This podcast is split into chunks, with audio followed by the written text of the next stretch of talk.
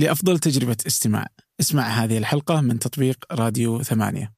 وتقدر تسمعها بدون موسيقى لو تحب. أهلا. هذا فنجان من إذاعة ثمانية وأنا عبد الرحمن أبو مالح. هذه الحلقة اخترتها لتكون بديلة عن غيابي فبكون غايب أسبوع واحد فقط. آه وهذه الحلقة هي من بودكاست أصوات البودكاست العربي الوحيد المرشح لجائزة نيويورك فيستيفال ل 2021 وفي بودكاست أصوات هي وثائقيات صوتية عربية تجربة جديدة للإنتاج الوثائقي الصوتي عربيا. في حلقات ماتعة ممتعة ومهمة حقيقة. آه أنصح الجميع بأن يذهب يستمع. تقدر توقف الآن. وتروح تبحث عن بودكاست أصوات على أي من التطبيقات التي تستخدمها وتشترك فيه. استمع لأي حلقة أي حلقة من هذا البودكاست رائعة تجربة فريدة ومختلفة عن الحلقة الأخرى. وهذه الحلقة اللي اخترتها هي أحدث حلقات إنتاج آه، بودكاست أصوات مع لما رباح تحكي عن قصتها الشخصية وحياتها من تسجيلات بينها وبين والدها. في حلقة بعنوان أبي شخصية خيالية. حلقة إنسانية من الطراز الأول. أترككم مع هذه الحلقة وألقاكم الأسبوع المقبل. الميكروفون الآن مع لما.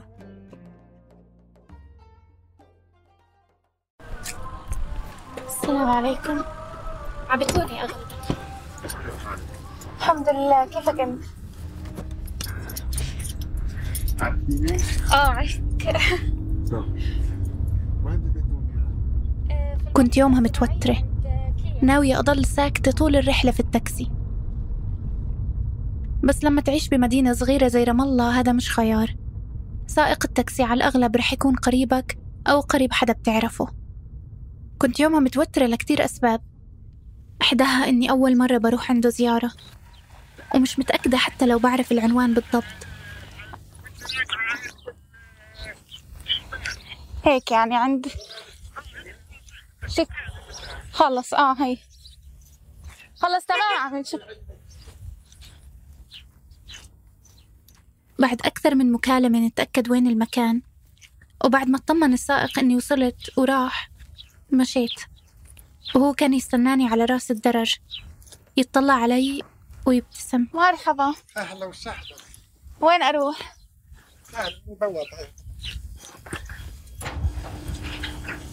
فتح لي البوابة. كانت بطيئة. تنزاح من أمامي شوي شوي وتزيد توتري. ولما وصلت عنده ما عرفت كيف أسلم. فمديت إيدي. وأنا أضحك ضحكة إلها صوت. بس بلا أسنان.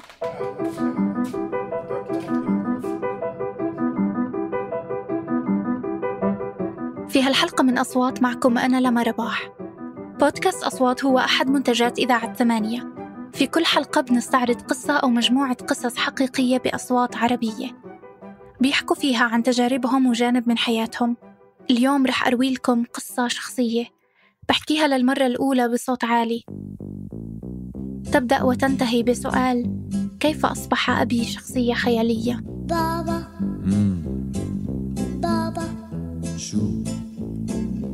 رد علي يا بابا حكيني. بس يا ريمي اتركيني اتركيني. بابا. لما طلعت بالتاكسي هداك اليوم السلام عليكم. كان معي مسجل الصوت ورايحة أسأل أبوي سؤال واحد ومختصر ليش تركتنا؟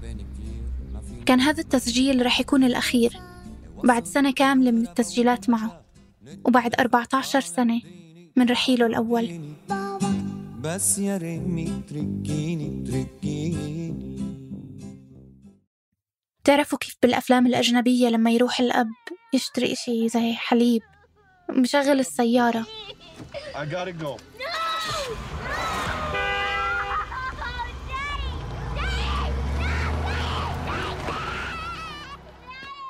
وبتطلع وراه سحابة من غبار وما بيرجعوا يشوفوه. بيقولوا هي لفت باختصار بنهاية سنة 2007 أبوي ترك البيت. انفصل هو وأمي وراح. هي لفت هذا اللي صار باختصار. بس جوا في طبقات وطبقات من التفسخ الطويل. بالأفلام بيكون المشهد كأنه مفاجئ للأطفال بالخصوص. بس إلي كطفلة عمرها 13 سنة. رحيل أبوي كان نهاية محتملة بتتبع ليالي كتير من الصراخ من البكاء وخيبات الأمل. لأبواب بتتسكر بقوة وصوتها بيصحيني. نهاية لكثير ليالي ما فهمتها.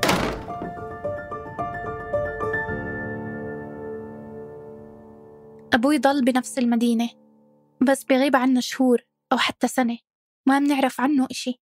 بيظهر بزيارة قصيرة متوترة وكأنه ضيف غريب. والأسئلة تداهمنا أنا وإخوتي من أصحابنا من الجيران وسواقين التاكسي بشفقة عالية. ما بيجي عندكم ما بتحكوا معه. وكل ما نكبر بيتحول كل ثقل الذنب من أكتافه هو لأكتافنا إحنا. بصير في نبرة لوم بالأسئلة تعلى مع السنين. ما بتحكوا معه؟ على فكرة بضل أبوكم. وأنا كنت صغيرة ما كان عندي إجابة لا على الشفقة ولا على اللوم بابا. مم. بابا. شو؟ عمره 63 سنة. أسمراني نحيل. مع كرش صغير. عم يكبر ويتعبى حلويات. وأكياس من بزر البطيخ. بيلبس طقم أسنان. مرات بينساه وبيطلع بدونه. مستعد يحضر أخبار 20 ساعة متواصلة بدون ما يزهق. ورثت عنه حس فكاهة غريب. وقلب مغلف بالقساوة. جوا حبة زبدة بتذوب وقت اللزوم. ورثت عنه حاجبين سود كثيفين. قالت لي عنهم الكوافيرة مرة وهي تنتف فيهم. يي هالحواجب زي عش العصافير. أبوي مدخن شره من هو عمره 17 سنة. في يوم من الأيام قبل أشهر يعني بعد التدخين المستمر بحوالي 40 سنة طلب من زميله يجيب له علبة سجاير. نسي زميله وما جاب. فأبوي قرر ترك التدخين مرة واحدة وإلى الأبد. مع إنه كان بقدر بخمس دقايق يمشي لأقرب سوبر ماركت ويشتري. فأبوي تارك محترف وهذا أيضا ورثته عنه. إحنا اثنين نحترف الغياب النزول عن الجبل الاختفاء. جرب حطنا بمتاهة بنلاقي لك خطة للهروب في ثواني. أنا بقضي كل وقتي في سيارات الأجرة مثل أبوي لأنه اثنين بنعرفش نسوق ولا بدنا نتعلم. للسبب ذاته بسبب الذكرى الأولى اللي بنتذكرها إلنا سوا بهاي المقابلة اللي سجلتها معاه. كان ناسي طقم أسنانه ببيته. طيب تتذكر لما أنا جيت؟ آه أنا- أنت جيتي يابا في ال- سنة ال 95 أربعة. ال 94 بتذكرك يعني أكثر موقف بتذكرك فيه ولليوم. أثر برضو على حياتي. أنا آه، إنسان بسوقش سواقة سيارات. سبب أنت. كان عمري وقتها أربع على خمس سنين. على الأغلب سنة 99 وكان عندنا سيارة لونها أبيض. فتحت الباب هذا بت... أمك بدها تلبس. وعلى أساس سيارة فيش فيها بنزين. فقلت لها بروح أعبيها بنزين. وبرجع. أنت طالعة وراي صغيره كنت مش شايف مش شايفك. وأنا سواقتي ما هي خفش خفيفة. فبلف في السيارة طلعت وراي آخر شيء الا أنت على الحيط هناك. شو رجليكي يعني لح... لحظة لحظة شعرة. شايفة؟ طبعا شعوري كان رهيب جدا.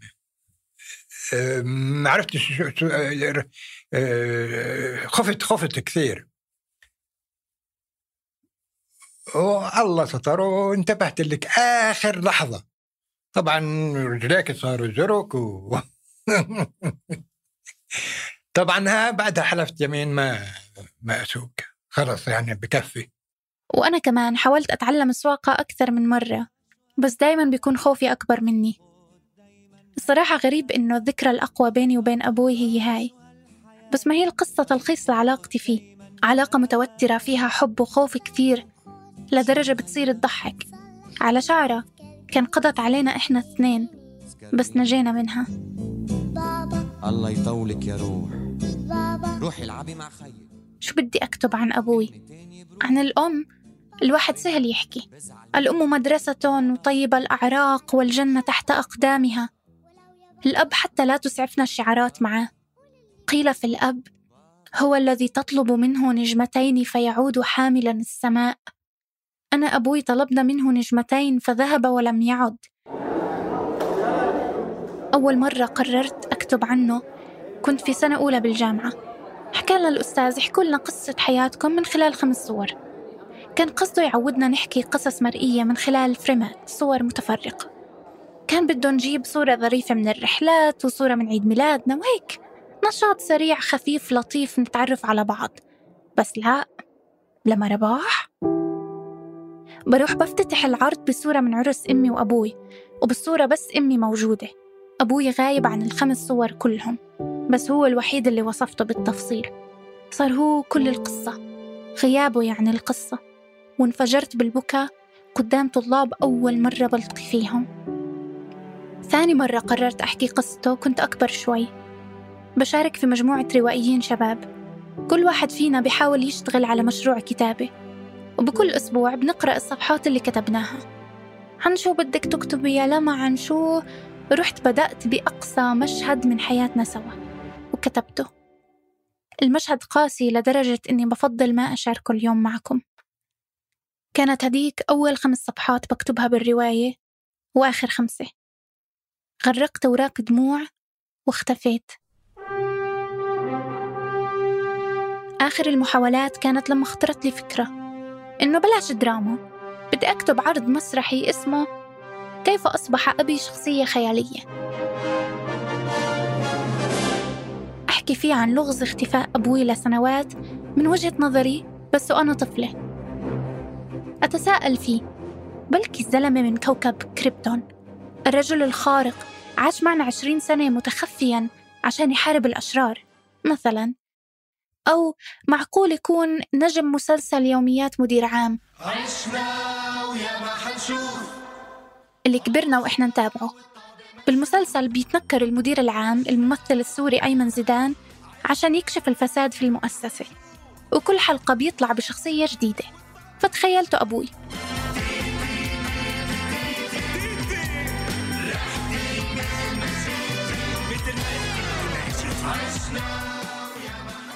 بلكي الزلمة بيختفي في ثقب أسود.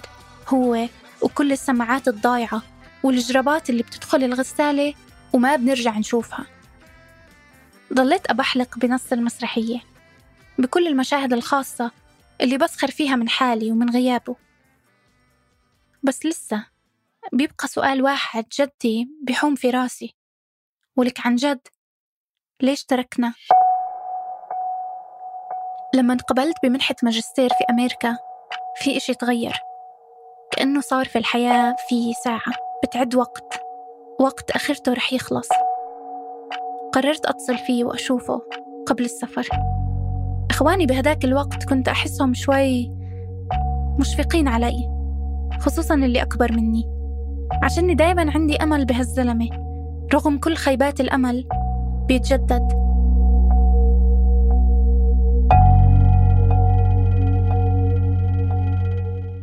أنا دايما بانتظار اللحظة التاريخية المؤثرة اللي فيها كلنا رح نبكي ورق قلبه ورح أركض عليه وأقول له إزيك يا ولدي كل الوقت بستنى اللحظة اللي رح أركض فيها ودمعي يتطاير وهو يقول لما؟ ويطير زهر اللوز من حولنا والأطفال يضحكوا والعصافير تزقزق. فكرت هاللحظة رح تصير لما أحكي له إني رايحة على أمريكا. لأول مرة رح يحس إني أنا كمان قادرة على الاختفاء. مش كل الوقت رح أكون في البيت أستناه. دربت قدام المراية. بابا. لا لا. يابا أحسن. يابا. أنا رايحة على أمريكا. ويمكن أرجع بعد سنتين ويمكن لأ. توقعت جوابين. الجواب الأول تاع آه حبيبتي يابا والله كبرتي. ونبكي نبكي سوا دموع دافئة تتدحرج على الخدود. أو الجواب الثاني إنه فيش عنا بنات تدرس بأمريكا. حضرت خطابين حماسيين. واحد ضد الذكورية والتحكم في مصير حياتي. من قبيل هلا جاي تهتم بحياتي؟ هلا تذكرت إنه عندك بنت؟ إلخ وخطاب ثاني عاطفي وحالم. سامحتك سامحتك. سامحتك كتير. الحوار بالحقيقة هيك كان. يابا أنا رايحة أمريكا سنتين ويمكن أرجع ويمكن لأ. فأبوي أخذ شفطة من سيجارته. وقال الله يلعن أبو أمريكا في كندرة. أو يعني الصراحة حكى كلمة أكثر بذاءة بس باللهجة الفلسطينية.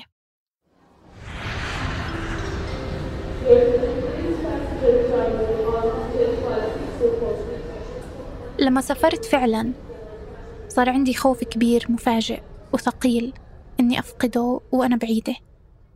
قرأت مقال لزميلتي إيمان أسعد بتقول فيه لدى وفاة والدي قبل نحو تسع سنوات لم أشعر بأي إحساس بالفقد. شعرت وحسب بالحزن الذي يتأتى عن رهبة الموت. عن حقيقة أن ما عاد من فرصة مهما كانت متخيلة وبعيدة. في ترميم ما انهار قبل ثلاثين عاما. وهاي الفكرة مرعبة. صرت أتصل فيه دايما. كأني بتعرف على صديق جديد. صرنا صرنا كأنه صحاب لما حكينا فيديو كول أول مرة كان يشرب قهوة. قال لي يا ريت يخترعوا إشي يخليني أقدر أبعت لك فنجان تشربي معي. بكذب لو قلت إني سمحت وقتها على الغياب وخيبات الأمل. أنا سمحته قبل بكثير. باللحظة اللي أخذت فيها أول راتب شهري إلي وقررت أشتري له هدية مرهم لإيديه المشققين. أنا سمحت وقتها بالذات لأنه إيديه مشققين. بعد عشر سنوات غياب تام قرر أبوي سنة 2017 يحاول يرجع لحياتنا تدريجيا. وأول محاولة كانت إنه يرجع يشتغل بانتظام. كان وقتها عمره قرب من الستين وفقد شغله وكل مدخراته. اشتغل عامل في ورش بناء وإيديه كانوا مشققين من مادة كيماوية بيستخدموها للبلاط. رجعت من أمريكا بقرار جديد. بدي أعرف مين هذا الإنسان. اليوم كامرأة راشدة مقابلها رجل راشد. بدي أفهم كيف عمل قراراته في الحياة؟ كيف وصلنا لهون؟ ليش تركني؟ سنين طوال بعرفش مين أنا. كان في غضب مهول جواي كل يوم بكبر وبحسه بيأثر على كل تصرفاتي على توقعاتي من الحب على حبي أنا لنفسي. كان في إشي لازم أزيحه عن قلبي وبقدرش ألاقي الإجابات لحالي. فوقتها بدينا نسجل مع بعض.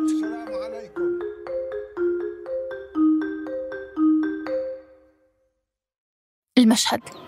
أبوي طفل بقرية فلسطينية زراعية بعيش مع أمه وأبوه وزوجة أبوه الثانية وأطفالها. وخلينا نقول إنه ما كانت هالعائلة مثالية زي السمن على العسل. بعرفش بجوز هي هذا السبب اللي خلاك التمييز بين أولاد أمي وبين أولاد مرت أبوي. طبعا أبوي نتيجة التربية كان يضرب أمي في نتيجة لأي سبب لأي موقف. أنا مش عن جد بعرف جدي أو سيدي بس كان بدي أعرف عنه أكثر عشان أفهم كيف أبوي تعلم يكون أب. شو النموذج اللي كان بحياته؟ إنسان حنون بس في نفس الوقت قاسي. بحب أولاده بحب يسعد أولاده بس في نفس الوقت الحياة علمته إنه يكون قاسي وتص- وتصرفاته حاسمة يعني. أبوي بعدين بقرر يحكي لي قصة غريبة عن سيدي. يعني أنا كان عمري أربع سنوات. أبوي طبعا يشتغل في الزراعة. وفي يوم من الأيام بالليل والدنيا عتمة تماما. فهالقد في مغارة فيها مي. بتدخلي عليها زي الغابة وبتدخلي في جواها فيها مي. كان سيدي بده إياه يجيب مي من المغارة. أبوي اللي عمره أربع سنين بيتردد يدخل. وبس في باله كل القصص اللي بيعرفها عن الغولة والأشباح وأبو رجل مسلوخة. ولما وصلت باب المغارة صرخت بطول صوتي شفت أشباح قدامي شفت. صرخ أبوي من الخوف وتوقع سيدي يجي عنده يقول يجي علي يا بني اسم الله عليك يا بني شو مالك؟ بس بالحقيقة. شو مالك؟ شو في؟ وبهذاك الكف ضربني قال شو اللي مخوفك يعني؟ بتخيل إيد سيدي العملاقة على خد أبوي الصغير. خوفي من أبوي صار أكبر من خوفي من الأشباح ومن أبو رجل مسلوخه ومن فرحت زي السهم ظلت داخل على جوا المغارة وعبيت القلن ورجعت. وأبوي من وقتها بخاف من كثير أشياء من السواقة والحوادث والالتزام. بس على الأكيد على الأكيد ما بخافش من ال- العتمة. وين ما بدك بروح بخافش من العتمة. رغم تبرير أبوي المستمر بعد كل قصة مليانة عنف بإنه سيدي حنون أنا ما كنت شايفة أي حنية ورغم إني بحاول أفهم أبوي ومتعاطفة مع الطفل اللي بالقصة صرت أفكر كيف ممكن أنا كمان عم بدور على تبريرات وبقلد أبوي بس عشان أسامح. لأنه أبوي آه، بعرف كاسي رغم إنه بحبني وحنون علي بس في نفس الوقت كاسي في تربيته. ليش؟ نتيجة الظروف اللي عاشها هو. سافر سيدي على الكويت بعد احتلال الضفة الغربية وغزة سنة 67 وترك أولاده وزوجاته الأولى والثانية وراه. رجع بعد عشر سنين. وقتها كان أبوي صار شاب ومتذكر يوم رجوع هذا الشخص الغريب. رجع سنة ال 75 1975 روح كان منظره بيختلف عن الناس و... وكانت العادة إنه الناس يلبسوا كنباز وحطة لباس عربي يعني. فلقيت هو كان جاي من الكويت باعتباره مدني يعني ومميز حاله لابس بدلة كاكي فلقيت قاعد بين هالنسوان اللي إلها أخو واللي إلها جوز مسافر في الكويت أو آه، في على الكويت. بيسألن في كيف الحياة هناك وكيف الشوب وكيف وكيف. آه طبعا هو قاعد زي الديك يعني مشايف حاله يعني إنه الزلمة جاي من ال- الغربه أنا كنت راكب في هذا الوضع.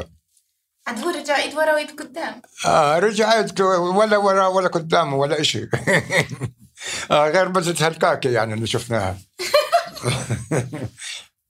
حتى هدايا ما جبناش طبعا ورجع لشغل لشغلتنا إحنا اللي هي الزراعة والفلاحة وال- والمطارد من وقت ما سجلنا المقابلة ضليت أتخيل سيدي لابس بدلة وقاعد مثل الديك ومعاه كل القصص اللي حكى لي إياها أبوي عن قسوته كيف كان يجبره على الشغل بعمر صغير وكان أبوي هذا الطفل اللي بيوزع ليمون من المحصول على القرى المجاورة. كيف منعه سيدي يسافر لما حصل منحة دراسية. بيختفي سيدي من الصورة سريعا وبصير أبوي رجل وبيعيش حصته من التجارب القاسية. أولها وهو عمره 18 سنة لما اعتقلوه جيش الاحتلال أول مرة. وثانيها لما اعتقلوه مرة ثانية وثالثها مرة ثالثة لحد الرابعة. قعدت في التحقيق 47 يوم. بتذكر كثير شغلات يابا التحقيق آه، مش سهل. بس في نفس الوقت الإنسان عنده آه، طاقة جبارة. بوعهاش وبدركهاش إلا في لحظات الشدة. آه، يعني أنت تصوري إنسان عاري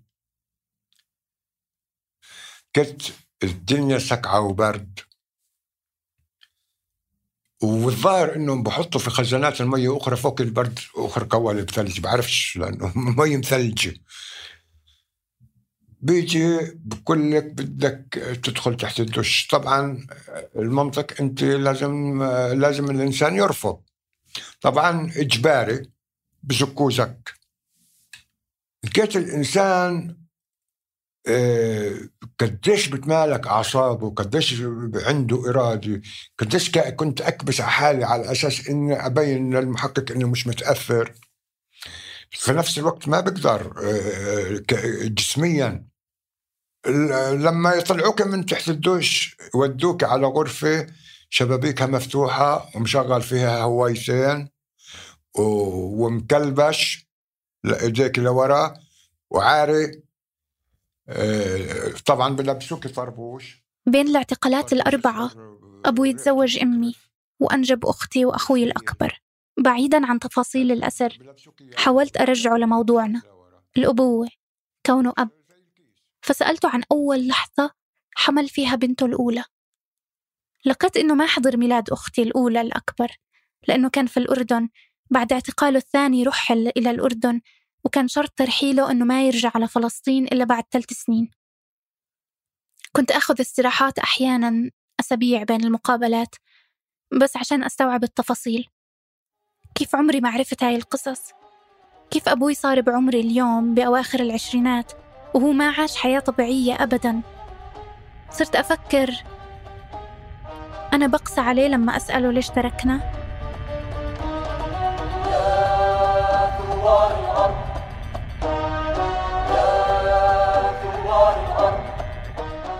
بتذكر كانت هاي الأغنية دايما شغالة في سيارة أمي. أنا جيت على الدنيا بعد انتهاء الانتفاضة الأولى أوائل التسعينيات وبديت المدرسة مع بداية الثانية مطلع الألفين. بعرفش إذا هاي متلازمة الحنين لأيام زمان بس مقتنعة إنه طفولتي كانت سعيدة كثير قبل طلاق أمي وأبوي بال 2007 كانوا يشتغلوا بالتجارة ويوزعوا بضاعة على المدن بسيارتهم. بتذكر رحلات كثيرة بهاي السيارة.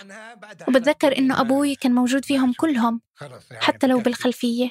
يعني معظم الوقت تكونوا معنا معظم الأيام. يعني مثلا بدنا نروح على كلكيلي نروح تروحوا معنا نحطكم وين؟ في جنينة الحيوانات. يعني باهر كان حافظ الحيوانات كلن الموجودات في حديقة الحيوانات. يظل تا نخلص لبعد الظهر بعدين نروح نتغدى. في الديوان. آه مطعم الديوان. آه في مطعم الديوان. بعدين نروح نتغدى ونروح. يخيل إلي إنه كان يحبني أكثر وحدة. ويمكن أنا أكثر وحدة ضلت تحبه لحد اليوم. بابا. مم. بابا. شو؟ تفاجأت لما زرته آخر مرة إنه عمل لي أكل. عمل لي صينية دجاج بالفرن. مع بطاطا وبندورة وبهارات.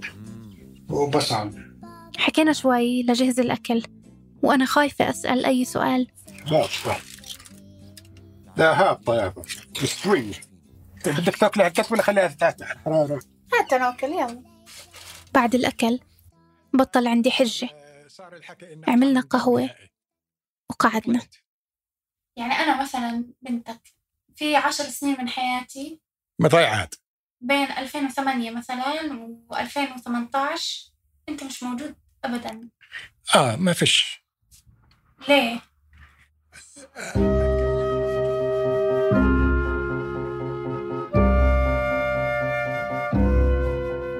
وأنا أسأل هذا السؤال كنت على وشك أنهار بس حاولت أتماسك. الآن قادرة أعرف بالضبط وين ساءت الأمور. بين قرارات سيئة وظروف أسوأ. خسروا أمي وأبوي شغلهم. لكن أبوي غرق بالأزمة. وأخذوا الموضوع سنين ليقدر يفكر بحلول ويتعافى. لما وقعوا بورطة فضل إنه يروح يختفي. كأنه هرب. بينما أمي ما كان عندها خيار. بقيت مع خمس أولاد كبروا بسرعة. علمتهم وتخرجوا من الجامعات وتزوجوا بدونه. هلكت كوني أب أنا أب. واليوم خلفت أول واحد فيكم أنا أب. وعندي عواطفي و... و... وبزعل وبعيط وب... و... وإلي عندي مشاعر. بس أحيانا آه، خلص آه، الظروف اللي أنت عايشه فيها آه، خلص مرات تسيطر على رأس الواحد إنه يطنش بطل يسأل. أمنيتي الوحيدة إنه أشوف أولادي أحسن أولاد في الدنيا. أمنيتي الوحيدة. وبحب أولادي وبموت عليهم. وبتمنى لهم إنهم يضلوا ناجحين. بس في نفس الوقت مش كنتش قادر أسوي لهم إشي. أه ومرات صارت عندي زي شوية قناعة إنه أنا إذا أبعدت عنهم أحسن إلهم بسببش إلهم مشاكل. شو بدي أساوي؟ في الآخر استسلمت. أنا الكت بعتبر حالي إني زلمة مستسلم. روحت يومها بقلب ثقيل. ما حسيت إنه وصلتني إجابات شافية. ما كان بدي يعترف لي إنه رجل مستسلم. كان نفسي أسأله طب ليش استسلمت؟ ما كناش نستاهل توقف عشاننا وتكون قوي. فكرت كثير كثير إنه يمكن أنا عن جد مشكلتي إني فكرت أبوي شخصية خيالية. بطل خارق قادر يتغلب على كل شيء وكل لومي إله كل هالسنين لأنه توقعته يكون خارق. يمكن الأهل بالنهاية لما نطلع عليهم كراشدين هم زينا. بتأذيهم الأزمات وممكن تكسرهم ممكن يعملوا أسوأ قرارات بنتخيلها ويمكن يضعفوا وما حدا يساعدهم. بعرف شو كان نفسي يحكي لي يومها. يمكن كان بدي عذر قوي أصدقه. أو مثلا يقول لي إنه هو أصلا بحبناش أنا ما بعني له إشي. وهيك أنا بقدر أكرهه بدون تأنيب ضمير. ويمكن شفائي مش مسؤوليته. ويمكن ولا عمري رح أفهم تماما ليش تركنا. بس أنا مش قادر أرد لكم الجميل من برا. الكذب مش ببرر لنفسي ان بغلط وبقول يلا لا غلطت كثير. بس مش بخاطري. في أشخاص لما يفقدوا طرف من أطرافهم بحادث أو عملية جراحية بضلوا يشعروا فيه وكأنه لسه موجود. اسم الحالة الطبية متلازمة الأطراف الوهمية أو الشبحية. مثل الشبح أحيانا بتحس بهاي الإيد المفقودة وفجأة بصير فيها ألم شديد حتى وهي مش موجودة رح تحسها كأنها بتتلوى وبتوجع وبتنقبض. لعلاج هاي الحالة لازم تلمس حواف الطرف المفقود. حواف آخر نقطة موجودة بجلدك وتدلكها باستمرار عشان يخف الألم. أنا هيك بحس مع وجود أبوي. شعور فقدته سنين طوال وجزء من شفائي إني أزور هذا الفقد ليخف الألم. شكرا يابا على ساعات التسجيل الطوال. برداني روحي تدفي. بابا اي والله دوختيني دوختيني. يا الله. أنتج هذه الحلقة من أصوات أنا لما رباح. وساعد في الإنتاج سحر سليمان. حررها الوليد العيسى. وعمل على هندسة الصوت محمد الحسن. ورجعها مازن العتيبي. لو عندكم قصة ولا تجربة مريتوا فيها وحابين تشاركوها في بودكاست أصوات راسلونا على أصوات الثمانية دوت كوم نراكم على خير. ما تزعل أنا بحبك. بابا. ولو يا بابا. بابا؟